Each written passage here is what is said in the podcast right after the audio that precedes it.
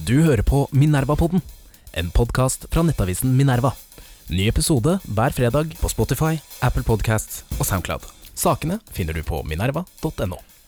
Velkommen til Minerva-podden, podkasten for deg som er mellom 33 og 34 år, mann og akkurat passe sint. Mitt navn er Nils August Andresen, og med meg i dag har jeg Aksel Fridstrøm, vår nyhetsredaktør. Velkommen. Takk for det. Eh, Jeg må si jeg lurer på hva skyldes denne innstillingen av målgruppen. Jeg trodde Minerva-podden var, var til for absolutt alle.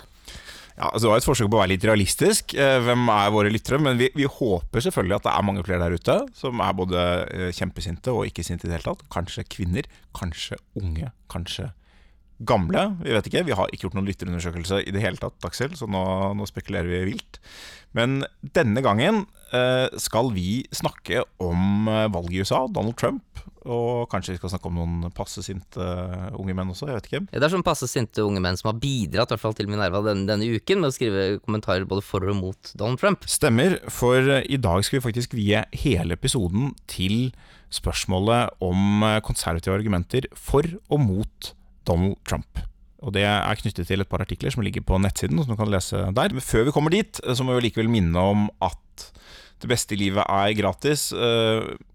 Eh, Men Minerva-podden er jo, det er jo ikke sikkert det er det beste i livet, og i en viss forstand er det gratis. men eh, for dere, men for oss er det jo ikke helt gratis, så vi tillater oss nok en gang å be om litt støtte på VIPS. Det er da vippser man til mediehuset Minerva eh, så mye som man syns vi fortjener. Og noen syns vi fortjener null, og det er jo helt greit. Da er det egentlig ikke nødvendig å høre på antagelig. daglig. Noen syns vi fortjener én krone. Kjør på. Eh, Det jeg pleier å anbefale likevel, er å donere 99 kroner hvis du har lyst, en gang iblant. Eh, Det er da mindre enn 100 kroner, men det er også mer enn 98 kroner, som for oss er et veldig viktig kriterium. Eh, Med det unnagjort, Aksel, så går vi til saken. For vi har altså da hatt en liten debatt om Trump denne uken i Minerva. Eh, Og bakgrunnen for det er at vi er en konservativ avis, og det er jo blant konservative på mange måter, i en eller annen betydning av det ordet, at Trump finner sine støttespillere. Og det er jo eh, noe som både du og jeg, som da er veldig bekymret for Trump, eh, må forholde oss til. Så for å liksom føre den debatten et skritt videre, så har vi invitert inn en eh, konservativ stemme. Han er vel en, han er vel en, en mann som er rundt 33 dessuten, og passe, passe sint. Ja, passe sint, ja. ja. Eh, Så han har skrevet da de konservative argumentene for Trump, og du har svart på vegne av Minerva de konservative argumentene mot Trump. Kan du si litt om, eh, om den debatten og, og hva du har lagt vekt på? Nei, jeg kan jo først si at jeg syns det er jo veldig viktig for konservative å liksom ha, ha denne debatten, fordi at eh, eh, Trump har jo masse, masse kritikk, masse, masse intens kritikk overalt, ikke sant, men ikke all den kritikken nødvendigvis er på konservatives egne premisser, ikke sant, så det er jo greit å også belyse hva er det som er de relevante innvendingene mot han på konservatives egne premisser, og det er liksom det jeg da har forsøkt å avgrense meg til, der hvor du liksom skreller vekk kanskje en del argumenter som jeg ikke syns er så relevante imot han, men også eh, tar utgangspunkt i en kanskje en tolkning som er, er liksom, i hvert fall noe mer enn velvillig. Altså peker på at det kanskje det, det finnes noe her som, uh, i hvert fall i problembeskrivelsen, som er relevant, da, og som man kanskje bør, bør ta tak i. Og så går jeg videre og ser på ok, altså i hvilken grad er det eh, liksom Trump egentlig klarer å utvikle politikk for å løse denne problembeskrivelsen, og hvorvidt det også er rimelig egentlig å behandle Trump som en normal politisk kandidat, da, gitt alt det andre som også, som også hefter med han. Så det er jo liksom essensen i hva som liksom ligger i, i, i min artikkel. Det er jo viktig øh, også fordi det er jo et åpent spørsmål på mange måter. Hva, hva slags konservatisme kommer etter Trump? Eh, Det er klart I noen land så er den konservative bevegelsen ikke så eh, hardt rammet holdt jeg på å si, av Trump, og i mange vesteuropeiske land så har jo eh, har det jo allerede lenge eksistert det man kunne kalle trumpistiske partier ved siden av de andre konservative partiene. Og i Norge så har jo Carl I. Hagen til og med sagt noe sånn 'Jeg var den første Trump', eller liksom et eller annet sånt. Mens det i det amerikanske topartisystemet liksom har da, det kom, så kom det alt på en gang. På en måte, eller, altså, det, kommer i hvert fall i en veldig spektakulær variant. Um, men det er et åpent spørsmål hva, hva skjer med konservatismen etter Trump. Hvordan påvirker Trump konservatismen? Eh, Både gjennom både elementer av sin problembeskrivelse og gjennom eh, en del av de endringene som har skjedd i det konservative landskapet for å tilpasse seg Trump. Både problembeskrivelsen, men også personen og alle de problemene som, som hører med. Men hva er, det, hva er det du tenker på med problembeskrivelsen, hvor du mener han treffer? Nei, altså det som jeg jo starter med, er at jeg tar utgangspunkt i hans uh, innsettelsestale. Som da, hvor han da jo legger frem uh, liksom hva er det som egentlig er problemet som Altså hvilket oppdrag er det han har, og hvilken problemskrivelse er det han løser. Og i, i den innsettelsestalen så vil jo jeg mene at det her finnes det en del gode poenger eller i hvert fall en, en, viss treff på problembeskrivelsen, som veldig mange må kunne klare å, å, kjenne seg igjen i, kanskje også litt uavhengig av et konservativt ståsted, men deler av de tingene som jeg tar opp, er jo blant annet det at uh, den relative velstanden i Amerika er jo redusert sammenlignet med veldig mange, veldig mange andre land. Altså det er ikke så lenge siden USA liksom var på nummer én eller nummer to på denne FNs Human Development Index, men nå de, sliter de med å holde seg inne på eh, topp ti. Og i tillegg så er det jo en en tiltagende veldig stor utvikling i, i ulikhet i, i, i, Amerika, som også eh, driver et, et visst form for sinne. Og det er illustrert med annet at det i, i New York City så eh, frem til valget av Trump, altså fra 20 2000 eh, til 2016 så har man lagt til liksom 13 millioner nye kvadratmeter da, med Class A office space, som liksom i all hovedsak liksom benyttes av finansnæringen, advokatnæringen, tjenesteytende næringer. Mens uh, for eksempel i Detroit, da, som er det gamle industrielle hjertet i USA, så liksom kan man liksom se at trærne kommer opp gjennom asfalten, da, i det man liksom har kalt den for urbane prærien, da, som liksom brer seg om seg i denne byen. Så det har jo vært en et, et skifte i, i, i, USA, hvor nok det finnes en del eh, som da Trump omtaler som, som, som, the forgotten men, og at de støtter han, at de har kanskje også noen berettigede eh, poenger om at det, det amerikanske politiske systemet og utviklingen egentlig ikke har prioritert dem, eller oversett dem og lignende, at han, han representerer dem. Mm.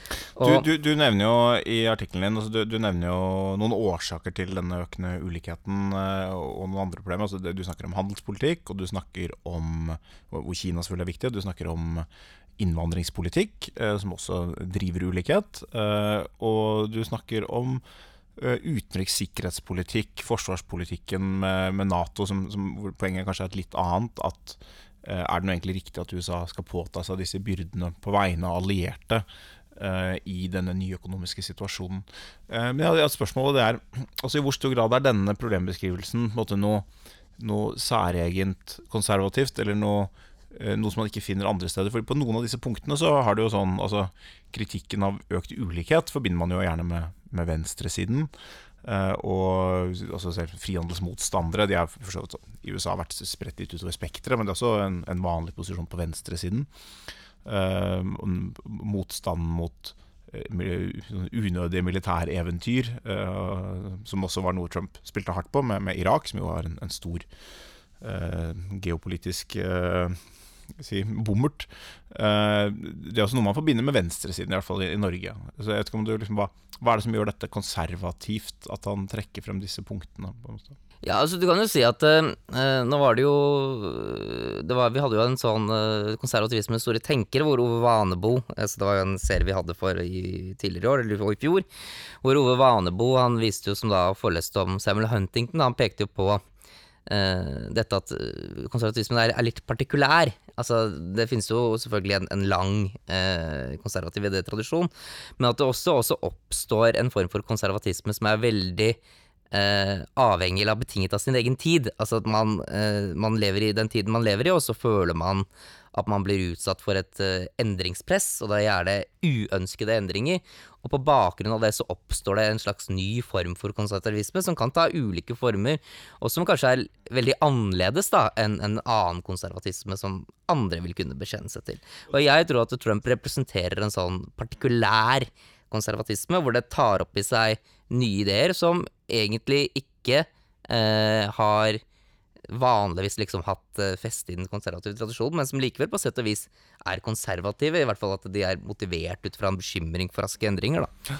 Ja, og du kan kanskje si altså, både en bekymring for, eh, for stor ulikhet, det har jo eksistert i konservatismen uh, fordi man har vært opptatt av sammenhengskraft. Altså, man har ofte litt ulike begrunnelser, andre begrunnelser enn venstresiden. Eh, motstand mot militære eventyr og nasjonsbygging har jo vært en, en, et tema på amerikansk deler av den amerikanske konservatismen som var sto i motstrid til George Bush osv. Så, så det har også liksom vært et tema. Det som, jeg tenkte det som kanskje skiller det tydelig fra venstresiden, er at disse to temaene går veldig eh, naturlig og organisk sammen med eh, kritikken av veldig høy innvandring, som er et tema du finner mye sjeldnere på venstresiden, og som viser litt på en måte den ulike begrunnelsen som ligger, eh, ligger bak de standpunktene. At for, for, den konservative problembeskrivelsen så er poenget at dette bidrar til som du sier, et endringspress som uh, både rokker litt ved samfunnskontrakten og, og opplevelsen av uh, sammenhengskraft. Så det er kanskje en, en sånn skille. Men uh, da har vi gått litt på problembeskrivelsen. Hva, hvordan, har det, hvordan, har det, gått? Ja, altså Det er jo der hvor denne artikkelen sklir over i en mer, mer kritikk av Trump. da, altså I hvilken grad er det han egentlig er i stand til å gjennomføre endringer som liksom løser disse problemene som, som, som denne, denne denne gruppen har. Og det gjør han jo på noen områder, så har han jo litt suksess. På andre områder har han, har han ikke så mye suksess. Men jeg kan starte med de tingene hvor, som jeg mener er mindre vellykket. da, altså Det er jo i, i utenrikspolitikken. altså Der er jo det, det uttalte målet er jo å få til en eller annen form for rebalansering mot, uh, mot Kina. Uh, og uh, hvor det da liksom man skal forsøke å få gjort noe med, med, med handelsunderskuddet til USA. Og det, det får han Eh, handelsunderskuddet er jo ikke blitt noe mindre, men det er kanskje blitt litt mindre eh, mot Kina. Nei, det ble blitt litt større mot Kina. Ja, litt større mot Kina også. Ok, da tok jeg feil. Men, eh, eh, det, å, men det som han da ofte bruker som sitt virkemiddel, er at han eh, går inn og egentlig eh, tar det som egentlig er litt sånn lavthengende frukter, altså det å trekke USA ut av en rekke internasjonale avtaler. Så kan man spørre om denne frukten smaker godt eller ikke. Altså Jeg argumenterer for at den, den ikke smaker spesielt godt, fordi at selv om man kan liksom mislike de internasjonale organisasjonene. Altså det er mange internasjonale organisasjoner som jeg syns er, er, veldig rare. Altså de, liksom, de, de, har ting ved seg som det er mulig å mislike. Så er de eh, internasjonale organisasjonene et instrument for å utøve innflytelse i verden. Eh, og når USA trekker seg ut av de, så er det jo ingen grunn til å tro at amerikansk internasjonal innflytelse eh, vokser. Og hvis man liksom ser på hvordan eksempel kineserne forholder seg til disse organisasjonene, så forsøker jo de på sett og vis å, å i, større og større grad ta mer plass av dem. Og det er ikke sikkert at den beste måten å begrense kinesisk innflytelse internasjonalt er å gi dem enda større plass ved å lage da et vakuum da, som oppstår når USA ikke lenger er villig til å ta del i det. Et, et, eksempel på, på, hvordan det har vært dårlig gjennomført, sett fra, fra mitt perspektiv, hvis vi nå holder oss til, til, handel, det har vært at man har da ført en handelskrig med Kina. Før man gjorde det, så gjorde man to ting. Det, noe av det første Trump gjorde, var å trekke seg ut av eh, det som het TPP, Trans-Pacific Partnership, som var en, eh, en handelsavtale, ganske omfattende handelsavtale med ikke med Kina, men med alle Kinas naboland. Det var et forsøk fra USAs side på å skaffe seg en solid allianse rundt Kina, som vil gi dem mye bedre kort på hånden i alle forhandlinger med Kina. For dette er jo land som Kina er avhengig av for, for sin handel, og, og, for så vidt også på, på, andre måter. Og ved å gjøre disse landene til USAs allierte, altså liksom alt fra eh, Thailand, Japan, eh, Filippinene, Indonesia osv. Med en enorm samlet befolkning, dette er jo folkerike land og voksne økonomier, så ville man eh, ha kort på hånden i en konfrontasjon med Kina. Ved å trekke seg ut av den, så mistet jo Trump den muligheten. Og han har liksom forsuret forholdet til Sør-Korea og liksom, i det hele tatt gjort det ganske vanskelig for seg der. Samtidig så drev han jo la eh, tollavgifter på, også på produkter fra EU, som gjorde det mindre attraktivt for EU å støtte den amerikanske tilnærmingen i handelskrigen mot Kina. Og det minsker jo sjansene for å lykkes med den konfrontasjonen. Og viser, Samtidig viser jo da noe av det som da faktisk har skjedd, nemlig at både import og eksport til Kina har sunket, men handelsoverskuddet har økt. Eh, amerikanske borgere har fått dyrere varer, og produsenter har, har, eksportert mindre og fått dårligere økonomi. Så det både viser jo sånn e, det er ikke sånn at Den eneste grunnen til at ingen har tatt tak i problemet før, har vært at de ikke har forstått at det er en utfordring, men det er det er ganske vanskelig å finne virkemidlene. Og Det gjelder på en del av disse feltene at det er det, det, ligger noen drivkrefter under disse nye truslene, disse endringene, som, uh, som, er ganske komplisert, hvor det ikke er så veldig lett å finne veldig god politikk. Uh, og, og jeg, jeg, skjønner jo på en måte frustrasjonen hos mange ved at det skjer, og jeg skal ikke si at det ikke er mulig å finne politikk, eller at man ikke burde prøve hardere, men, men tanken om at det på en måte finnes seg sult og ned, så skyldes det svik, den, den, har alltid vært for enkel. den var det da kommunistene hadde den tanken på, i mellomkrigstiden, og, og den er det Eh, i dag. Altså det er problemer med den nye globaliseringen og, og sikkert, deler del av det som venstresiden kaller for nyliberalisme og, og, andre ting. Men det er ikke sånn at alt som er vondt uh, og vanskelig, skyldes liksom en eller annen ond type Davos-mann eller en naiv liberaler som ikke skjønner at dette her er, at her er det utfordringer. Men det var, Da har vi gått litt på, på utenrikspolitikk. Men uh, du må nesten si noe om de, de, mer, de enda mer omstridte delene av Trumps presidentskap, kanskje? Ja, altså jeg tar jo opp I tillegg til utenrikspolitikken så vi, snakker vi litt om den økonomiske utviklingen. Og så snakker vi jo om koronapandemien. Uh, jeg kan jo ikke, må jo si at jeg er ikke sånn spesielt imponert over hvordan Trump har, har, har håndtert det. Og det jeg skriver litt om, er at den, liksom den, vanlige debatten som man jo Eller den helt legitime debatten som man jo må ha om koronatiltak, er jo hensynet til den økonomiske utviklingen sett opp mot liksom smittebegrensning. Og det er jo helt legitimt på sett og vis å si at man Ok, sammenlignet med hvor mye disse tiltakene vil koste i økonomiske omkostninger, så kan vi ikke ha liksom altfor strenge tiltak. Og liksom Trump lener seg jo veldig på det argumentet om at vi liksom det The cure, the, the cure cannot yeah. be worse than the disease, og the, the, show must go on. Men det som er eh, mye av problemet med hvordan Trump håndterer det på, at han ofte velger seg ganske mange eh, symbolsaker som er, som, er, som er, veldig kontraproduktive. For at en rasjonell tilnærming til dette må si at vi ønsker å implementere alle de tiltakene som virker, men som er veldig lav omkostning, økonomisk omkostning. Og det mest virkningsfulle tiltaket, det er jo å få folk selv til å forstå alvoret, og så gjennomføre eh, liksom enkle tiltak selv som gjør at du kan begrense smitte, men som ikke har veldig store økonomiske omkostninger. Men Trump gjør det liksom som et symbol for seg selv, da, at man liksom ikke skal bry seg, eller at du skal bagatellisere sykdommen, eller gjøre poeng rallies, liksom. ut av at han ja. mm. eh, ikke vil bruke munnbind, kom på rally, gjør alle disse tingene. Og han eh, tar jo også liksom en en kamp da med, med, stater i USA som ønsker å liksom ha en, en, mer restriktiv politikk. Og sånn så tror jeg at han også, uavhengig av hva man mener er den rette strategiske tilnærmingen, altså hvor mye skal man vektlegge hensynet til økonomien, hvor mye skal man vektlegge hensynet til å begrense smitte, velger en form som gjør at du får en helt suboptimal uh, implementering av det, uavhengig av hvor du liksom velger at det tyngdepunktet skal ligge. Det er en interessant sak, fordi uh, det er blitt så politisert i USA. Munnbind er nå Hvis du liker Trump, så bruker du ikke munnbind, og hvis du hater ham, så bruker du munnbind.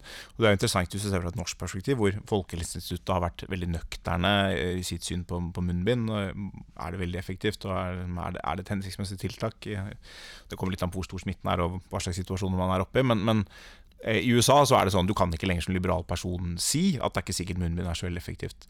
Eh, så det er, liksom, det er ikke åpenbart at, at Trump liksom tar veldig feil i alle faktiske spørsmål. Men det er som du sier, på en måte at måten det implementeres på, eller måten det kommuniseres på, fører til at det som skal til for å nå et eller annet gitt smittenivå, eh, er mye strengere tiltak enn det ville vært, f.eks. i Norge.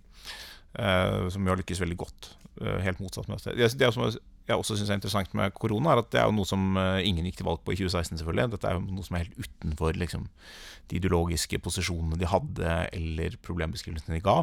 Men sånn er det jo veldig ofte i politikk, at man får uh, saker i fanget, og ofte så former det veldig mye av Eh, en statsleders periode. ikke sant? Altså George Bush fikk 9-11. Det var jo ingenting i det han hadde gått til valg på som sa noe om noe krig i Midtøsten, liksom. Men, snarere tvert imot. Snarere han tvert imot. sa jo 'The second infantry platoon won't walk kids to school'. Ja, ikke sant? Så, det, så, så, det var, det, så skjedde noe som gjorde at det ble slått helt av kurs.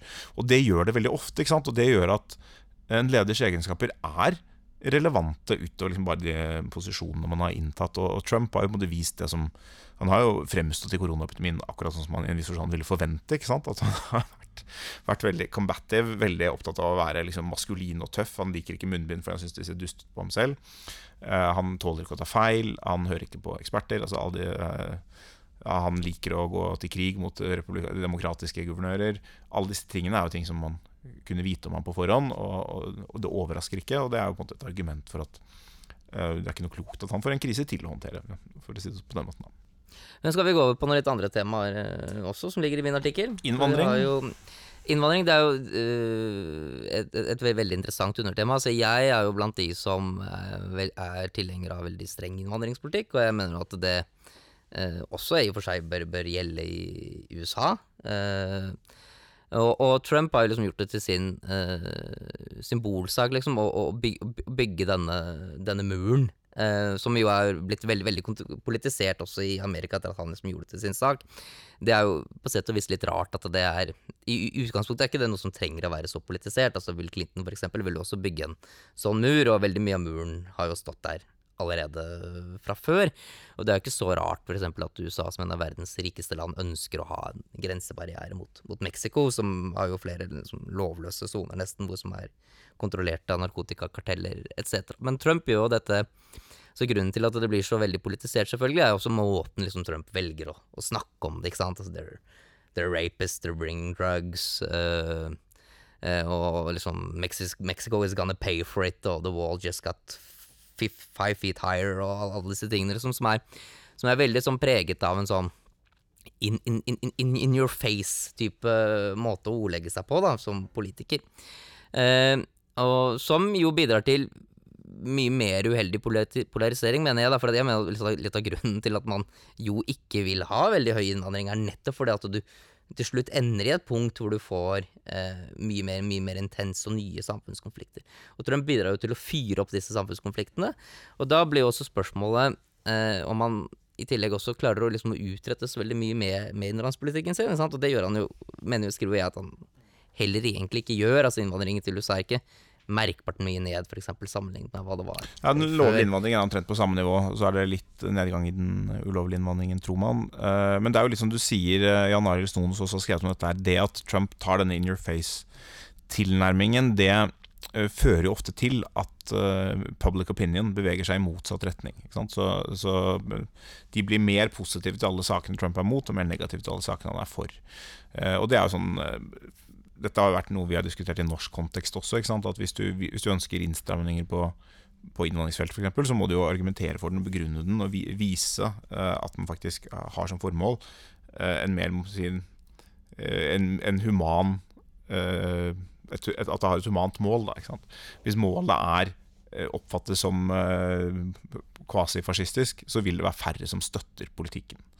Eh, og det, det er ikke så veldig lurt. Og det, det peker også på noe på det, i problembeskrivelsen til Trump. At har, han har en problembeskrivelse som, som du beskrev, hvor det er en del fornuftig, og som jeg også mener at det er en del fornuftig i.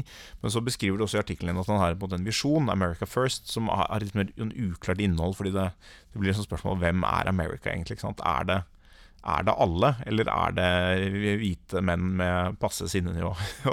Man får jo av og til inntrykk at det er det. ikke sant? At det er, det er ikke alle, det er ikke hele landet Trump inkluderer når han snakker om we og America. Det høres i hvert fall ikke sånn ut. Eh, og det, det ligger noe på divisjonen hans der, hva er det han vil, hvem er det han er til for, som, uh, som selv om det bygger på en, en viss forstand en forståelig og til dels fornuftig problembeskrivelse, så peker det på en måte selv, med perfekt gjennomføring, så peker det mot et litt dystert sted. Man kan jo si at de som stemmer på Trump, kan jo ha litt ulike oppfatninger også om hva han mener. Ikke sant? Ja. Det finnes jo svarte amerikanere som også stemmer på Trump, som nok ikke tenker at Nei, nei. den visjonen utelukker Nei, den er vag. Den er vag. Men det Trump eh, jo nok, nok har, at han har nok en del følgere som tenker at eh, dette er liksom Vi er the real America, da, med veldig sånne klare inklusjons- og eksklusjonskriterier, hvor mange minoriteter kanskje ikke er, er en del av den identiteten som, som de opplever. Da. Men, men uh, nå har vi gått gjennom ca. halve din artikkel. Eh, Vi tenkte vi kunne si litt om den artikkelen til, til Markus Reitan, som argumenterer eh, for Trump. For nå har vi snakket litt om innholdet i politikken. Og, og hvor er det dere egentlig skiller eh, mest lag? Hvor vi skiller mest lag eh, Altså, jeg tar jo i, i, i substansen i hva han har gjort. Eh, jeg tror Reitan er noe mer positiv til, liksom, til, til det Trump har, har gjort i, i utlandet, liksom. Han er vel også mer positiv til den økonomiske utviklingen eh, under Trump. Og han har jo også Uh, mener jo liksom kanskje at Trump sin eh, eh, retorikk for eksempel bidrar til å flytte debatten kanskje på, på måter som jeg ikke tror at den gjør. da Jeg vet ikke hvordan hva liksom du Ja, han skriver litt om det, det er jo noe av det som du sier, sant, at eh, er det Konflikten med Kina, jeg tror Reitan skriver vel også at den har ikke gitt så veldig store konkrete resultater, men kanskje det er bra å ta en konflikt. Eh, Konflikten med Nato-landene, kanskje det var det som bidro til at de betalte mer, mens du kanskje er litt mer reservert at det er eh, noe av dette var i gang allerede under Obama. Og litt samme økonomien var i gang under Obama. altså Det er sånn, det kan være vanskelig å pinpointe. Men, eh, men jeg, det, jeg tar det opp fordi det er ikke, dere er ikke sånn superuenige om substansen. Det er en litt ulik vektlegging eh, på ulike felt. Men det er ikke sånn superuenige om verken innvandringspolitikken, hva, han, altså, hva Trump har, har gjort og gjennomført, innvandringspolitikk, utenrikspolitikk, eh, økonomi. Det er noen uenigheter, men de er ikke liksom eh, sånn helt ekstreme. Men allikevel så får dere ganske ulike konklusjoner. Så hva er det som egentlig skiller, eh, hva er det som skiller eh, synet deres på Trump? Altså, mitt best tungtveiende argument, og det tar jo ikke Markus Reitan i så stor grad, men mitt best tungtveiende argument er at jeg mener at det, det er ikke rimelig nødvendigvis å bare behandle Trump som en helt normal uh, politiker, hvor man bare går gjennom resultatene og sier ok, sånn og sånn vekst i BNP og sånn og sånn og sånn, og derfor må det liksom uh, bli, en, bli en runde til. Altså jeg mener at han eh, i sin person bidrar veldig mye til å eh, undergrave liksom, de demokratiske normene i Amerika, og at det er liksom eh, såpass ubehagelig, da, i hvert fall synes jeg, at eh, selv om han liksom hadde fått eh, Jeg mente at alle resultatene hans liksom var helt fremragende, så ville jeg liksom ikke eh, gått for han, da. Eh, så kan jo de som eh, argumenterer for Trump, si men ja, men eh, eh, det, finnes, det er jo ikke bare Trump som holder på med dette, ikke sant? Altså polariseringen fra eh, den liksom fremvoksende, mer radikale venstresiden i Amerika er også liksom helt, helt eh, intens, ikke sant? Og det er masse sånne venstreradikale pøbler, men jeg syns jo ikke at det liksom nødvendigvis eh, rettferdiggjør at du skal velge også en person som eh, hvor appellen er at han selv er en pøbel da, til, til, til president. Altså, at den det- sammenligningen illustrerer jo på en måte at selv hans tilhengere i en viss forstand aksepterer at han er en pøbel, men kanskje noen av dem setter pris på nettopp det. Ja, altså jeg, jeg tror det er, nettopp det der, men jeg tror at liksom, i et, i et hvilken som helst eh, samfunn, da, så vil du aldri komme vekk ifra at det finnes pøbler. Det vil alltid være masse pøbler. Men, men samfunnsorganiseringen må jo etterstrebe å putte de, liksom, de mest kompetente menneskene på toppen av beslutningshierarkiet. Så det at du liksom finner noen eh, i, i, i bunnen av liksom samfunnets hierarkiske organisering som liksom er pøbler og knuser butikkvinduer og, og, og den type ting, er ikke, en, er ikke en veldig god grunn for å liksom velge en eller annen som også har denne pøbelfremtoningen som landets liksom, øverste leder. Da. Jeg syns også at det er Trumps eh, forhold til demokratiet eh, og, og de politiske institusjonene som er det, liksom det, det, det mest tungtveiende argumentet mot ham, og som gjør det umulig uh, å støtte ham for meg som konservativ. Fordi det å ivareta disse institusjonene er jo på en måte noe av det aller viktigste en konservativ gjør. Og så har jeg tenkt en på hva er det på en måte, de- som eh, støtter ham, er det, hvordan er det de gjør det? Altså hva, hva er det det hvordan skjer det? Og jeg tenker at det skjer liksom på, på to eller tre måter. og Det er de som som ikke, bare ikke legger så vekt på dette, sier det er bare støy. Liksom, vi må se på resultatene og se at det har vært vekst i økonomien, og, og alt som skjer på Twitter og alle, liksom alle øvrige anklager som man kaster rundt seg, det er bare støy. Det må vi se bort fra. Eh, jeg mener at det er, det er feil, fordi det, det påvirker disse normene helt konkret, og det påvirker institusjonene helt konkret, eh, og, og så videre. Men det er liksom den ene gruppen. Jeg tror kanskje Markus Reitan kan kanskje plasseres litt i den gruppen. Han skriver ikke noe om dette i det hele tatt. Det er liksom utenfor det han skriver noe om. Eh, og så har du den gruppen som setter pris på dette. Altså De vil ha en pøbel fordi de er så sinte på eh, den andre siden. Ekstrem polarisering, negative partisanship. At de, de elsker når han liksom trykker ned deres eh, fiender. Uansett hvordan det skjer. Det gir en emosjonell tilfredsstillelse. De, de føler seg, Noen av dem kan, si, kan man rettferdiggjøre med å si at de føler seg glemt osv. De, blir- de er sinte, de vil ha dette her. Og så er det på en måte den mer sånn politisk radikale eh, tilnærmingen. En fyr som Steve Bannon som på en måte mener at alle disse institusjonene er så råtna, så de bør ødelegges og rives ned. Enten det er liksom domstolsvesenet, mediene, em, universitetene, alt sammen er råttent, pillråttent. Det må rives ned. Det kan ikke reformeres, det må rives ned. Og det er jo sånn, altså, si, en slags forståelig eh, tilnærming, hvis man mener at alt er råttent. Men det eneste man kan si mener jeg, om en sånn tilnærming, er at den kan ikke være konservativ. Altså rykke alt opp med roten. Eh, Da må man finne en annen ideologi. måte. Det er en, en form for revolusjonær konservatisme. Ja, reaksjonær eh, type, det kan du godt si. Men det er, Men det, er, men det er jo, jeg må si at jeg synes jo Jeg har jo selv bodd i USA, og riktignok i liberale mest liberale stedene i USA, riktignok, men jeg forstår liksom dette, litt dette konservative sinnet, for at man får liksom det, den følelsen av at uh, veldig mange liberale uh, demokrater de er, så, de er så veldig flinke til å overbevise seg selv om sin egen godhet. Og så uh, utøver de liksom et veldig sånn voldsomt sosialt press da, på at alle skal delta i alle deres mulige aksjoner, og politiserer arbeidsplasser og sånn. Så hvis ikke du er med på denne liksom liberale visjonen på arbeidsplassen, liksom alle må ha noen sånne Black Lives Matter-klistremerker på laptopene sine og sånn. Og jeg, liksom, jeg, jeg, jeg skjønner at det er de som liksom ikke fullt ut liksom kjøper alle, alle mulige liberale dogmer og sånn, blir veldig, veldig veldig sinte, og liksom ønsker å dra til dette liksom den største sleggen de finner, og det er jo selvfølgelig liksom Donald Trump. Det er det største fuck you du liksom kan sende til, til, uh, til den liberale eliten tilbake, men det er liksom et spørsmål om hvor hvor destruktive virkemidler er det liksom akseptabelt å velge seg? Det er det som liksom må bli, bli litt diskusjon. Ja, og det er også sånn, jeg, jeg, skjønner godt at de er, er sinte, men jeg, tror, jeg, jeg, skjønner godt at mange grupper er sinte i politikken. Altså, det er ikke noe vanskelig å skjønne at uh, svarte menn er sinte på, på, sånn som de forstår og opplever politivoldsituasjonen. Det er ikke noe vanskelig å skjønne at uh, arbeiderne ble sinte kommunister i gamle dager heller. Det er ikke noe vanskelig å skjønne det, eh, men poenget er jo, enten det er fra et konservativt perspektiv eller andre steder, at eh, hva er det politikk skal gjøre? ikke sant? Det skal sublimere den type sinne til en eller annen form for konstruktiv handling som, som gjør ting bedre. For ellers så får du et pøbelvelde, da. ikke sant? Og det er kanskje det vi har har fått. Du, da tror jeg vi Da har vi gått gjennom denne artikkelen. Eh, ja, veldig mye av mine perspektiver, da. Ikke så mye av Markus, men han er jo ikke med på podkasten. Nei, men det som er så flott, det er at eh, de som hører på denne podkasten, de kan gå inn på Minerva og lese disse sakene. De kommer til å ligge der frem til, til valget. Jeg har skrevet en liten introduksjon også. Så er det da en de konservative argumentene for Trump av Markus Reitan, de konservative argumentene mot Trump av Aksel Fridstrøm. Og alt det kan du få hvis du abonnerer på Minerva. Det koster bare 699 kroner i året, eller 1050 kroner hvis du vil ha papirutgaven også. Og alle som har lest dem, sier de er verdt abonnementspengene. Ja. Og så er det masse ting vi ikke har snakket om i dag. Det er jo valg om, om ikke så mange dager. Eh, men eh, mange lurer sikkert på hva mener vi om Hunter Biden-anklagene osv. Da kan jeg igjen trøste dere med at Jan Arild Snoen skriver om bl.a. dette i sin kommentar i dag. Den ligger ute på nettsiden.